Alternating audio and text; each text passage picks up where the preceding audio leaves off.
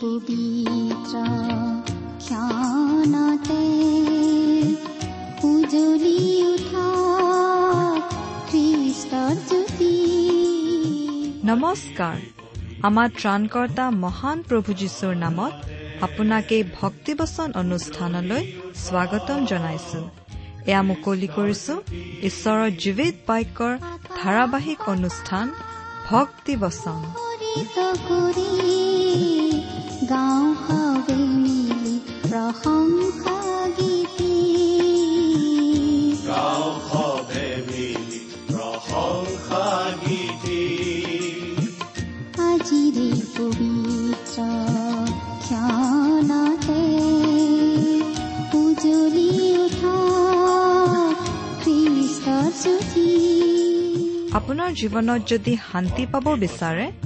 তেন্তে এয়া ঈশ্বৰৰ বাক্যৰ সান্তনা বাক্য ভক্তি বচন।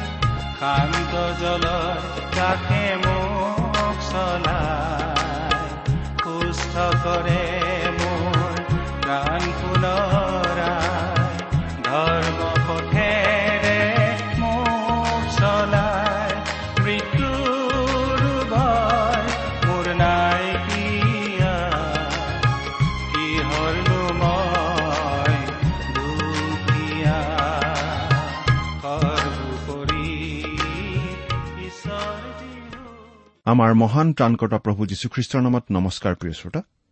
আশা কৰো মহান পিতা পৰমেশ্বৰৰ মহান অনুগ্ৰহত আপুনি ভালে কুশলে আছে। আমি এই বুলিও আশা কৰিছো যে আপুনি আমাৰ এই অনুষ্ঠানটো নিয়মিতভাৱে শুনি আছে। আৰু যদিহে আজি প্ৰথমবাৰৰ বাবে শুনিছে শুনি কেনে পালে আমালৈ চিঠি লিখি জনাবচোন?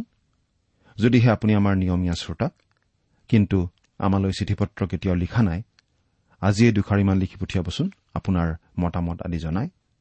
আৰু যদিহে আমালৈ মাজে সময়ে চিঠি পত্ৰ লিখি আছে তেনেহলে আপোনাক ধন্যবাদ জনাইছো আৰু ভৱিষ্যতেও যাতে লিখি থাকে। আমাৰ ঠিকনা ভক্তিবচন টি ডব্লিউ আৰ ইণ্ডিয়া ডাক বাকচ নম্বৰ সাত শূন্য গুৱাহাটী সাত আঠ এক শূন্য শূন্য এক। ভক্তিবচন T W R India postbox number seventy Guwahati seven eight one zero' zero' one. আমাৰ website W W W dot radio' eight eight two dot com প্ৰিয় শ্ৰোতা আমাৰ এই বাইবেল অধ্যয়নৰ অনুষ্ঠানটোত আমি বাইবেলৰ পুস্তকসমূহ এখনৰ পাছত এখনকৈ আলোচনা কৰি গৈ আছো। আৰু যদিহে আপুনি আমাৰ এই অনুষ্ঠানটো নিয়মিতভাৱে শুনি আছে তেনেহলে আপুনি নিশ্চয় জানে যে আমি এতিয়া বাইবেলৰ নতুন নিয়ম খণ্ডৰ জাকুবৰ পত্ৰ নামৰ পুস্তকখন অধ্যয়ন কৰি আছো। নহয় জানো? যোৱা অনুষ্ঠানটো আপুনি বাৰু শুনিছিল নে যোৱা অনুষ্ঠানত আমি বাৰু কি আলোচনা কৰিছিলো? আপোনাৰ মনত আছে বোধ কৰো? যোৱা অনুষ্ঠানত আমি এই জাকুবৰ পত্ৰ নামৰ পুস্তকখনৰ তিনি নম্বৰ অধ্যায়ৰ চাৰি নম্বৰ পদলৈকে পঢ়ি আমাৰ আলোচনা আগবঢ়াইছিলো। আৰু বিশেষকৈ জিভাৰ নিয়ন্ত্ৰণৰ বিষয়ে আমি আলোচনা কৰিবলৈ পাইছিলো। আজিৰ অনুষ্ঠানত আমি এই জাকুবৰ পত্ৰ পুস্তকখনৰ তিনি নম্বৰ অধ্যায়ৰ পাঁচ নম্বৰ পদৰ পৰা আমাৰ আলোচনা আগবঢ়াই নিব খুজিছো। আপুনি আপোনাৰ বাইবেলখন মেলি লৈছেনে বাৰু? প্ৰিয় শ্ৰোতা জাকুবে লিখা পত্ৰখন অতি ব্যৱহাৰিক পত্ৰ। আৰু খ্ৰীষ্টীয় বিশ্বাসৰ বাবে প্ৰয়োজনীয় অনেক কথা ইয়াত লিখা আছে যিবোৰ কথা প্ৰতিজন খ্ৰীষ্টীয় বিশ্বাসীয়ে গুৰুত্ব সহকাৰে গ্ৰহণ কৰা উচিত। এতিয়া আমি যিটো কথা বিশেষভাৱে আলোচনা কৰি আছো সেইটো হৈছে জিভাৰ নিয়ন্ত্ৰণৰ কথা আৰু আজিও আমি সেই বিষয়টোৰেই আমাৰ আলোচনা আৰম্ভ কৰিব খুজিছো। বাইবেলৰ পৰা পাঠ কৰি দিম। জাকুব তিনি নম্বৰ অধ্যায়ৰ পাঁচ আৰু ছয় নম্বৰ পদ। যদিহে আপোনাৰ লগত বাইবেল আছে অনুগ্ৰহ কৰি চাই যাব। আৰু যদিহে বাইবেল নাই অনুগ্ৰহ কৰি মন দি শুনিব। ইয়াত কি লিখা আছে?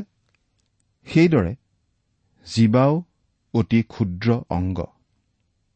কিন্তু মহা দৰ্পৰ কথা কয়। চোৱা কিমান অলপ জুয়ে কিমান ডাঙৰ হাবি পোৰে জীৱাও অগ্নিস্বৰূপ।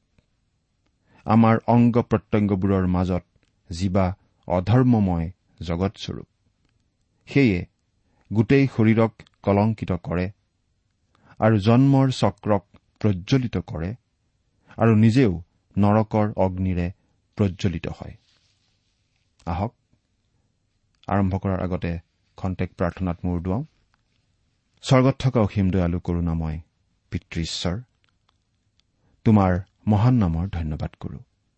তুমি সৰ্বশক্তিমান সৰ্বব্যাপী সৰ্বজ্ঞানী ঈশ্বৰ হৈও আমাৰ দৰে ক্ষুদ্ৰ মানৱক যে ইমান প্ৰেম কৰা সেই কথা ভাবিলেই আচৰিত হওঁ। আমাক প্ৰেম কৰা কাৰণেই আমাক উদ্ধাৰ কৰিবলৈ তুমি নিজৰ একেজাত পুত্ৰ যীশুখ্ৰীষ্টকে আমালৈ দান কৰিলা। আজি তেওঁত বিশ্বাস কৰি আমি অনন্ত জীৱন লাভ কৰি তোমাক পিতৃ বুলি মাতিব পৰা হৈছো। তাৰ বাবে তোমাক অশেষ ধন্যবাদ দিওঁ। এতিয়া তোমাৰ মহান বাক্য বাইবেল শাস্ত্ৰ অধ্যয়ন কৰিবলৈ ওলাইছো। প্ৰাৰ্থনা কৰিছো তোমাৰ বাক্য তুমি আমাক বুজাই দিয়া। আমাৰ প্ৰত্যেকৰে জীৱনৰ বাবে প্ৰয়োজনীয় কথা তুমি আমাক শিকোৱা। এই অনুষ্ঠান শুনি থকা মৰমৰ শ্ৰোতাসকলৰ জীৱনত তুমি উপচি পৰাকৈ আশীৰ্বাদ কৰা। কিয়নো এই প্ৰাৰ্থনা আমাৰ মহান প্ৰাণকৰ্তা মৃত্যুঞ্জয় প্ৰভু যীশুখ্ৰীষ্টৰ নামত আগবঢ়াইছো। আমেন।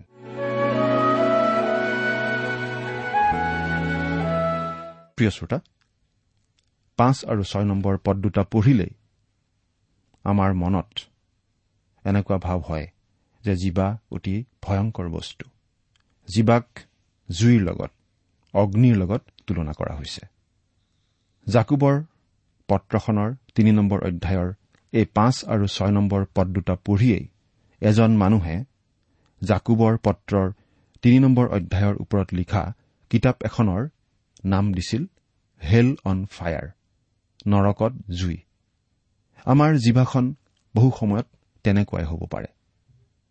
ইয়াত আমি নৰক শব্দটো ব্যৱহাৰ কৰাৰ কাৰণে কোনোবাই সুধিব পাৰে যে এই পদতটো আচলতে নৰকৰ কথা কোৱা নাই? ইয়াত যি গ্ৰীক শব্দ ব্যৱহাৰ কৰা হৈছে সেই শব্দটো হৈছে গেহেন্না। চিউল নহয়। গেহেন্না মানে হিন্নুম উপত্যকাত অনবৰতেই জ্বলি থকা জুইক বুজোৱা হৈছে। সেই সময়ত সেই হিন্নুম উপত্যকাৰ সেই জুই তেনেদৰে অনবৰতেই জ্বলিছিল। এই গেহেন্না শব্দটো নতুন নিয়মত মাত্ৰ বাৰ বাৰহে ব্যৱহাৰ কৰা হৈছে। প্ৰভু যীশুৱে এঘাৰ বাৰ ব্যৱহাৰ কৰিছিল আৰু জাকুবে ব্যৱহাৰ কৰিছে মাত্ৰ এবাৰ।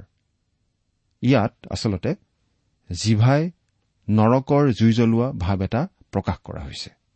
এইটো বিশেষভাৱে মন কৰিবলগীয়া কথা যে জাকুবে জিভাক জুইৰ লগত তুলনা কৰিছে।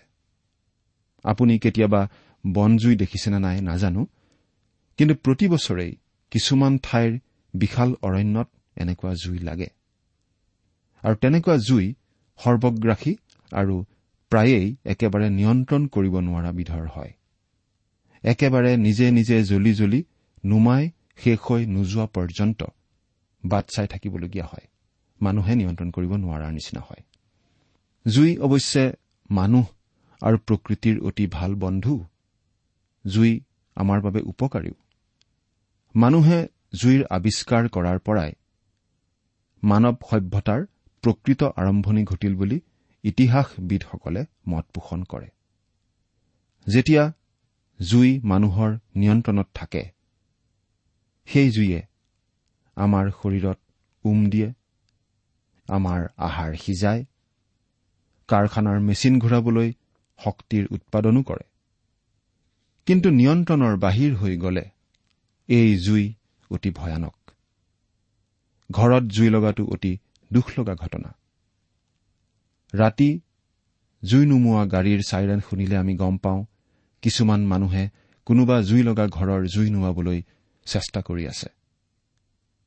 আনকি আজিৰ দিনতো আমি জুইক নিয়ন্ত্ৰণত ৰাখিব পৰা হোৱা নাই। ষোল্লশ ছয়ষষ্ঠি চনত জুই লাগি পশ্চিমীয়া দেশ এখনৰ ৰাজধানীখন ভস্মীভূত হৈ গৈছিল। ওঠৰশ এসত্তৰ চনত এজনী গৰুৱে লঠিয়াই এটা লেম্প বগৰাই দিয়াৰ পৰাই জুই লাগি পশ্চিমীয়া দেশ এখনৰ বিখ্যাত নগৰ এখনত হাহাকাৰৰ সৃষ্টি হৈছিল। আজিও জুয়ে মানুহৰ বিস্তৰ ক্ষতি সাধন কৰিয়েই থাকে। ইয়াত কোৱা হৈছে আমাৰ জিভাখনো জুইৰ নিচিনা। যেতিয়া এই ক্ষুদ্ৰ জিভাখন আমাৰ নিয়ন্ত্ৰণত থাকে এই ক্ষুদ্ৰ জিভাখনে মানুহলৈ আৰু আমাৰ নিজলৈ আশীৰ্বাদ কঢ়িয়াই আনে। কিন্তু যেতিয়া নিয়ন্ত্ৰণৰ বাহিৰ হয় তেতিয়া এই জিভাখনেই ধ্বংসলীলা চলায়। ই আৰোগ্যও কৰে ই অভিশাপো আনে। হিতুপদেশ বাৰ নম্বৰ অধ্যায়ৰ ওঠৰ নম্বৰ পদত এই বুলি লিখা আছে। হিতুপদেশ বাৰ নম্বৰ অধ্যায় ওঠৰ নম্বৰ পদ। কোনো কোনোৱে অবিবেচনাৰূপে অস্ত্ৰাঘাত স্বৰূপ কথা কয়। কিন্তু জ্ঞানবানবিলাকৰ জীৱা সুস্থজনক। অৰ্থাৎ জিভাই সুস্থও কৰে আৰু জিভাই অস্ত্ৰৰ আঘাতো কৰে। আমাৰ জিভাখন এখন মানুহ বধ কৰা তৰোৱাল যেনো হ'ব পাৰে কিন্তু সেই জিভাই স্বাস্থ্যও হ'ব পাৰে। জিভাৰ এয়া মন কৰিবলগীয়া বৰ্ণনা। আকৌ হিতুপদেশ পোন্ধৰ নম্বৰ অধ্যায়ৰ চৈধ্য নম্বৰ পদত আমি এই বুলিও পঢ়িবলৈ পাওঁ। সুবিবেচকৰ মনে জ্ঞান বিচাৰ কৰে। কিন্তু অজ্ঞানবোৰৰ মুখ অজ্ঞানতাৰূপ পথাৰত চৰে। আমি আগতে উল্লেখ কৰিছো যে আমি মুখেৰে ব্যক্ত নকৰা কথাৰ গৰাকী কিন্তু আমি মুখেৰে কৈ দিয়া কথা আমাৰহে গৰাকী। আমি মুখেৰে নোকোৱা কথাৰ বাবে আমাক দোষী কৰিব নোৱাৰি কিন্তু আমি এবাৰ মুখেৰে কৈ দিয়াৰ পাছত সেই কথাই আমাক দোষী কৰিব পাৰে। আমি আমাৰ অভিজ্ঞতাৰ পৰা ক'ব পাৰো যে জিভাখন অলপ পিছলিলেই তাৰ সুদূৰ প্ৰসাৰী প্ৰতিক্ৰিয়া হ'ব পাৰে। আমি মনত পেলাব পাৰো চিমন পিতৰৰ কথা। তেওঁৰ জিভাই তেওঁক ফাঁকি দিছিল কাৰণ তেওঁ প্ৰভু যীশুক চিনি নাপাওঁ বুলি তিনিবাৰ আখৈ মাতিছিল। কিন্তু পঞ্চাছদিনীয়া পৰ্বৰ দিনাখন প্ৰভু যীশুৱে কি ব্যৱহাৰ কৰিছিল? সেই পঞ্চাছদিনীয়া পৰ্বৰ দিনা প্ৰভু যীশুৱে আন একো ব্যৱহাৰ কৰা নাছিল। সেই অনবৰতেই ভুল কৰা বাৰে বাৰে উজুতি খোৱা বাৰে বাৰে বিপথে যোৱা সেই ব্যক্তি চিমুন পিতৰৰ জিভাখনকেই প্ৰভু যীশুৱে ব্যৱহাৰ কৰা নাছিল জানো? এৰা আমাৰ জিভাখন অভিশাপো হ'ব পাৰে আমাৰ জিভাখন আশীৰ্বাদো হ'ব পাৰে। জুইৰ নিচিনাকৈ জিভায়ো একোটা মণ্ডলী জ্বলাই দিব পাৰে। একোটা সম্প্ৰদায় ধ্বংস কৰি দিব পাৰে। এখন চহৰ জ্বলাব পাৰে আনকি এটা জাতিকেই ধ্বংস কৰিব পাৰে। এতিয়া আকৌ জাকুবৰ তিনি নম্বৰ অধ্যায়ৰ সাত আৰু আঠ নম্বৰ পদ দুটা চাওঁ। কিয়নো পশু পক্ষী উৰগ আৰু জলজন্তু আদি কৰি সকলোৰে স্বভাৱক মানুহৰ স্বভাৱৰ দ্বাৰাই দমন কৰা যায় আৰু দমন কৰা হলো। কিন্তু জিভাক দমন কৰিবলৈ মানুহবিলাকৰ মাজত কাৰো সাধ্য নাই। সেয়ে অশান্ত দুষ্টতাস্বৰূপ মৃত্যুজনক বিহেৰে পৰিপূৰ্ণ। এবাৰ কিছুমান ডেকাই এটা চাৰ্কাছৰ দল চাবলৈ গৈছিল। তেওঁলোকে এজন মানুহ দেখিলে।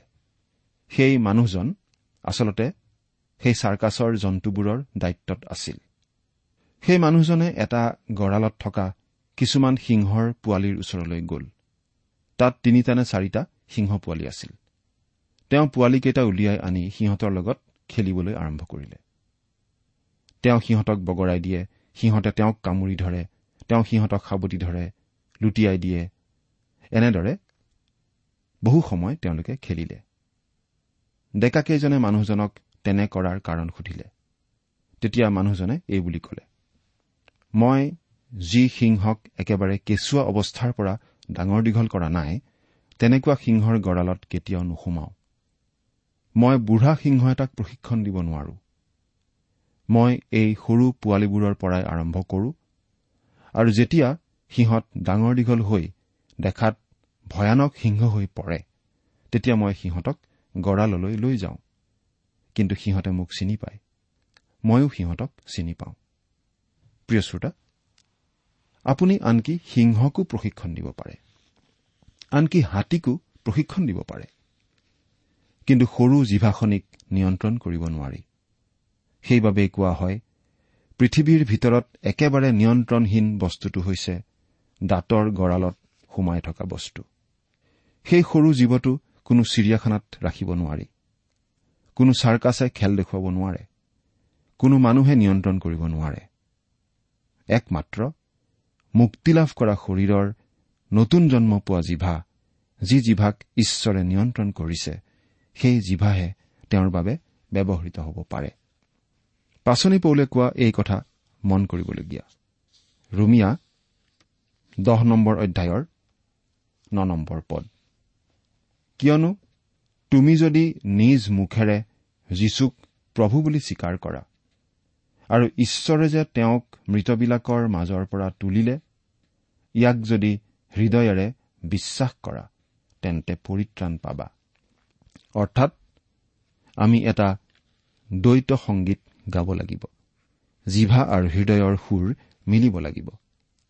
প্ৰভু যীশুৱে এই বুলি কৈছিল মুঠিয়ে লিখা শুভবাৰ্তা বাৰ নম্বৰ অধ্যায়ৰ চৌত্ৰিশ নম্বৰ পদত আমি এই বুলি পাওঁ হে সৰ্পৰ বংশ তোমালোকে বেয়া হৈ কেনেকৈ ভাল কথা ক'ব পাৰা? কিয়নো মনৰ অধিক ভাৱৰ পৰা মুখে কথা কয়। অৰ্থাৎ আমাৰ হৃদয়ত যি আছে সেইটো মুখেৰে ওলাই আহিবই। সেইবাবেই কোৱা হয় অন্তৰৰ কোৱাত যি থাকে সেইটো মুখৰ বাল্টিৰে বাহিৰ ওলাই আহে। যদিহে আপোনাৰ অন্তৰত কিবা এটা আছে সেইটো কেতিয়াবা নহয় কেতিয়াবা বাহিৰ ওলাই আহিবই। বোবা মানুহজনৰ ওচৰলৈ যেতিয়া প্ৰভু যীশু গৈছিল তেতিয়া তেওঁ সেই মানুহজনৰ মুখ স্পৰ্শ কৰিছিল। ফলত তেওঁ কথা ক'ব পৰা হৈছিল। প্ৰিয় শ্ৰোতা প্ৰভু যীশুৱে আপোনাক স্পৰ্শ কৰিছেনে? আপোনাৰ মুখো তেওঁ নিশ্চয় স্পৰ্শ কৰিছে। ন আৰু দহ নম্বৰ পদ। তাৰেই আমি পিতৃ প্ৰভুৰ ধন্যবাদ কৰো। আৰু তাৰেই ঈশ্বৰৰ সাদৃশ্যেৰে হোৱা মানুহবিলাকক সাও দিওঁ। একে মুখৰ পৰাই ধন্যবাদ আৰু সাও ওলায় হে মোৰ ভাইবিলাক এনে হোৱা উচিত নহয়। আমাৰ জিভাখনে ঈশ্বৰক প্ৰশংসাও কৰিব পাৰে আৰু ঈশ্বৰ নিন্দাও কৰিব পাৰে। আমি ইতিমধ্যেই কৈছো যে জিভাখনেই আমাক জন্তু বা আন প্ৰাণীতকৈ উন্নত বুলি প্ৰমাণ কৰি দেখুৱায়। মানুহ বোবা বান্দৰ নহয় বা আমাৰ মাত অনুকৰণ কৰা চৰাইও নহয়। মানুহে মানুহক কথা ক'ব পাৰে। মানুহে ঈশ্বৰৰ লগতো ভাৱৰ আদান প্ৰদান কৰিব পাৰে। যি মানুহে দেওবাৰে গীৰ্জাত স্বৰ্গদূতৰ নিচিনাকৈ গান গাব পাৰে আৰু সপ্তাহৰ বাকীকেইটা দিনত ছয়তানৰ নিচিনাকৈ কথা কয় তেনে মানুহক আপুনি বা মই যি নামেই নিদিওঁ কিয় সেই মানুহক বাইবেলে দুতলীয়া কপটীয়া মানুহ বুলিহে কৈছে। এটা বেংকত এজন টেলাৰ আছিল। তেওঁ এটা গীৰ্জাত সুন্দৰ গান গাইছিল। সেই বেংকতে কাম কৰা এগৰাকী মহিলাই বেংকৰ ভাইচ প্ৰেছিডেণ্টজনক এই বুলি কৈছিল সেই টেলাৰজনে অতি সুন্দৰ গান গায়। গীৰ্জাত স্বৰ্গদূতৰ নিচিনাকৈ তেওঁ গান গায়। সেই কথাত ভাইচ প্ৰেছিডেণ্টজনে একো মন্তব্য দিয়া নাছিল।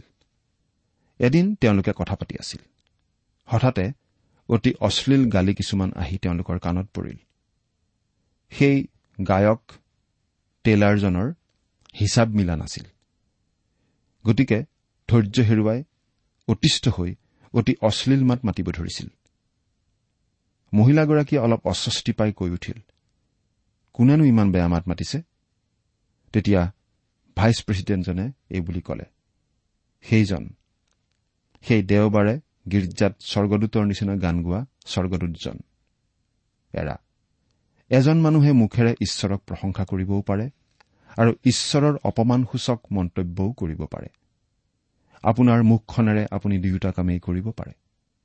প্ৰভু যীশুৱে কৈছিল আপোনাৰ অন্তৰত যি আছে সেইটো আপোনাৰ মুখেৰে বাহিৰ ওলাই আহে। আপোনাৰ জিভাই সেই কথা এদিন কবই বুলি আপুনি নিশ্চিত হৈ থাকিব পাৰে। এঘাৰ আৰু বাৰ নম্বৰ পদ। একেটা বিন্ধাই দি ভুমুকে সোৱাদ আৰু তিতা এই দুবিধ পানী উলিয়াইনে? হে মোৰ ভাইবিলাক ডিমৰু গছত জলফাই নাইবা দ্ৰাক্ষালতাত ডিমৰু গছ ধৰিব পাৰেনে? লোনা পানীয়েও সোৱাদ পানী উৎপন্ন কৰিব নোৱাৰে। অৰ্থাৎ কোনো এজন মানুহ দুমুখীয়া দুই মনৰ ফটা জিভাৰ মানুহ হ'ব পাৰে। তেওঁ ভাল বেয়া দুয়ো ধৰণৰ কথা ক'ব পাৰে। কিন্তু এই পৃথিৱীত এনেকুৱা একো নিজৰা নাই য'ত মিঠা পানী আৰু তিতা পানী একেলগে ওলায়। ঠিক একেদৰে একেডাল গছে জলফাই আৰু ডিমৰু গছ হিচাপে ফল নিদিয়ে। কিন্তু জিভাই হলে ভাল বেয়া দুয়ো ধৰণৰ কাম কৰিব পাৰে। কিন্তু জিভাই প্ৰকৃত বিশ্বাস প্ৰকাশ কৰে। কাৰণ অন্তৰত থকা বিশ্বাসৰ সাক্ষ্য মুখেৰেই দিব লাগিব। অন্তৰত থকা বিশ্বাস মুখৰ বাক্যেৰেই প্ৰকাশ কৰিব লাগিব। আৰু জিভাখন প্ৰকৃততে তেনেদৰেই ব্যৱহৃত হ'ব লাগে। তেৰ নম্বৰ পদ তোমালোকৰ মাজত জ্ঞানী আৰু সুবুদ্ধি কোন? তেওঁ সদাচৰণৰ দ্বাৰাই জ্ঞানমূলক মৃদুতাত নিজ কাৰ্য দেখুৱাই দিয়ক। জিভাই প্ৰকৃত বিশ্বাস প্ৰকাশ কৰিব পাৰে। জিভাই ঈশ্বৰৰ হকে সাক্ষ্য প্ৰদান কৰিব পাৰে। জিভাই অতি জ্ঞানগৰ্ভ কথা প্ৰকাশ কৰিব পাৰে। চৈধ্য নম্বৰ পদ। কিন্তু তোমালোকৰ হৃদয়ত যদি তিতা ঈৰ্ষা আৰু বিৰোধ থাকে তেন্তে সত্যৰ বিৰুদ্ধে শ্লাঘা নকৰিবা আৰু মিছাও নকবা। তিক্ততা বিৰোধ ভাৱ আদি নিশ্চয় পবিত্ৰ আত্মাৰ ফল নহয়। কিন্তু জিভাখনে তেনেকুৱা ধৰণৰ বস্তু উৎপন্ন কৰি পেলাব পাৰে। জাকুবে আচলতে এজন মূৰ্খ খ্ৰীষ্টীয় বিশ্বাসীৰ জিভা আৰু এজন জ্ঞানী খ্ৰীষ্টীয় বিশ্বাসীৰ জিভাৰ মাজত থকা পাৰ্থক্যটো ইয়াত দেখুৱাব বিচাৰিছে। আচলতে কোনো মানুহৰ জিভাৰ ওপৰত যদি নিয়ন্ত্ৰণ নাই তেনেহলে সেই মানুহজন প্ৰকৃত খ্ৰীষ্টীয় বিশ্বাসী হয় নে নহয়? প্ৰকৃততে ঈশ্বৰৰ সন্তান হয় নে নহয়? সেই সম্পৰ্কে আন আন মানুহৰ মনত নিশ্চয় সন্দেহ জন্মিব। প্ৰকৃত খ্ৰীষ্টীয় বিশ্বাসী এজনে সপ্তাহৰ ছয়টা দিনত ঠিকমতে গালি সপনি পাৰি দেওবাৰে গীৰ্জাত গায়ক দলত যোগ দি গীত গাব পাৰিব বুলি আমি নাভাবো। প্ৰকৃত খ্ৰীষ্টীয় বিশ্বাসী অশ্লীল কাহিনী আনৰ আগত কৈ দেওবাৰে ছানডে স্কুলত পাঠদান কৰিব পাৰে বুলি আমি নাভাবো। তেনেদৰে অশ্লীল কথা বতৰা কৈ থকাৰ পাছত কোনো মানুহে প্ৰভু যীশুৰ প্ৰেমৰ বিষয়ে আন মানুহক ক'ব পাৰিব বুলি আমি নাভাবো। প্ৰিয় শ্ৰোতা আপোনাৰ সৰু জিভাখনে যিকোনো এটা কাম কৰাত অভ্যস্ত হৈ পৰে।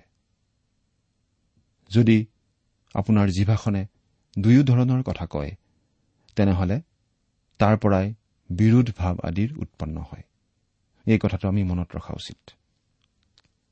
প্ৰিয় শ্ৰোতা জাকুবৰ পত্ৰত আমাক এই বুলি সাৱধান কৰি দিয়া হৈছে। সত্যৰ বিৰুদ্ধে শ্লাঘা নকৰিবা আৰু মিছাও নকবা। সত্যৰ বিৰুদ্ধে শ্লাঘা নকৰিবা আৰু মিছাও নকবা। অৰ্থাৎ আমাৰ জিভাখন এই ক্ষেত্ৰতো নিয়ন্ত্ৰণ কৰা উচিত।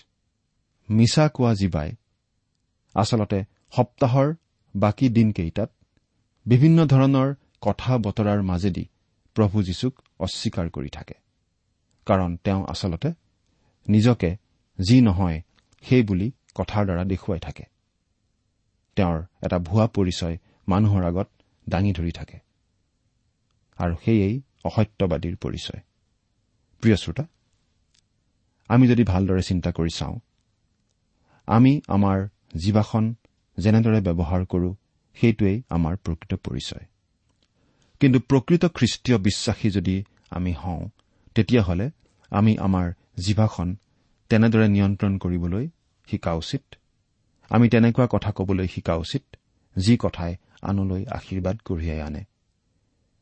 আমি প্ৰভু যীশুৰ বাক্যহে কবলৈ শিকা উচিত যাৰ যোগেৰে আনে অনন্ত জীৱনৰ আশীৰ্বাদ পাব পাৰে। আমি বাৰু আমাৰ জিভা প্ৰভুৰ গৌৰৱৰ কাৰণে ব্যৱহাৰ কৰি আছোনে? চিন্তা কৰি চাওকচোন।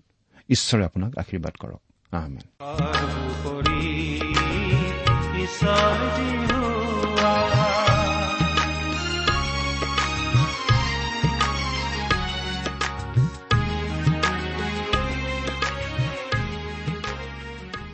পৰে আপুনি ভক্তিবচন অনুষ্ঠানটি শুনিলে।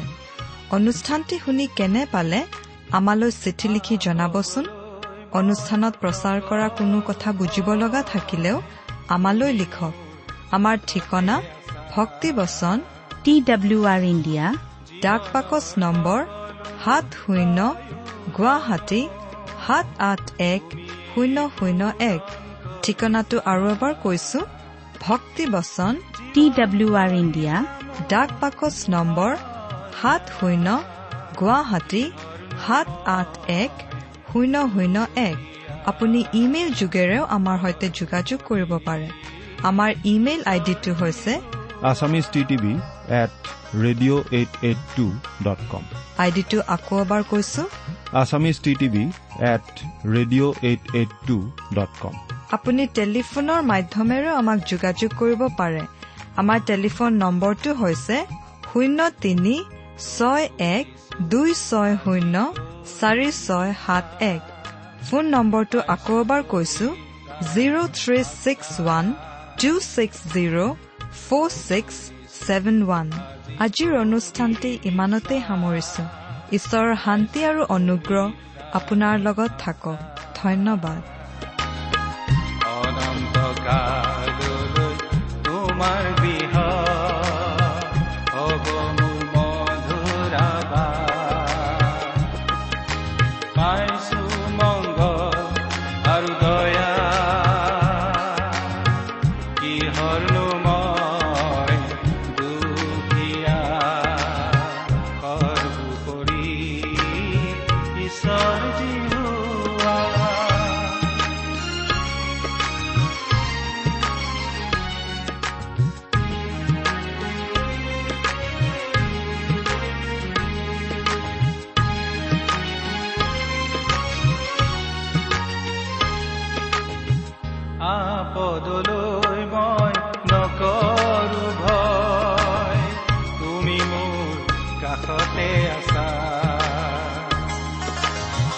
জীৱনৰ সকলো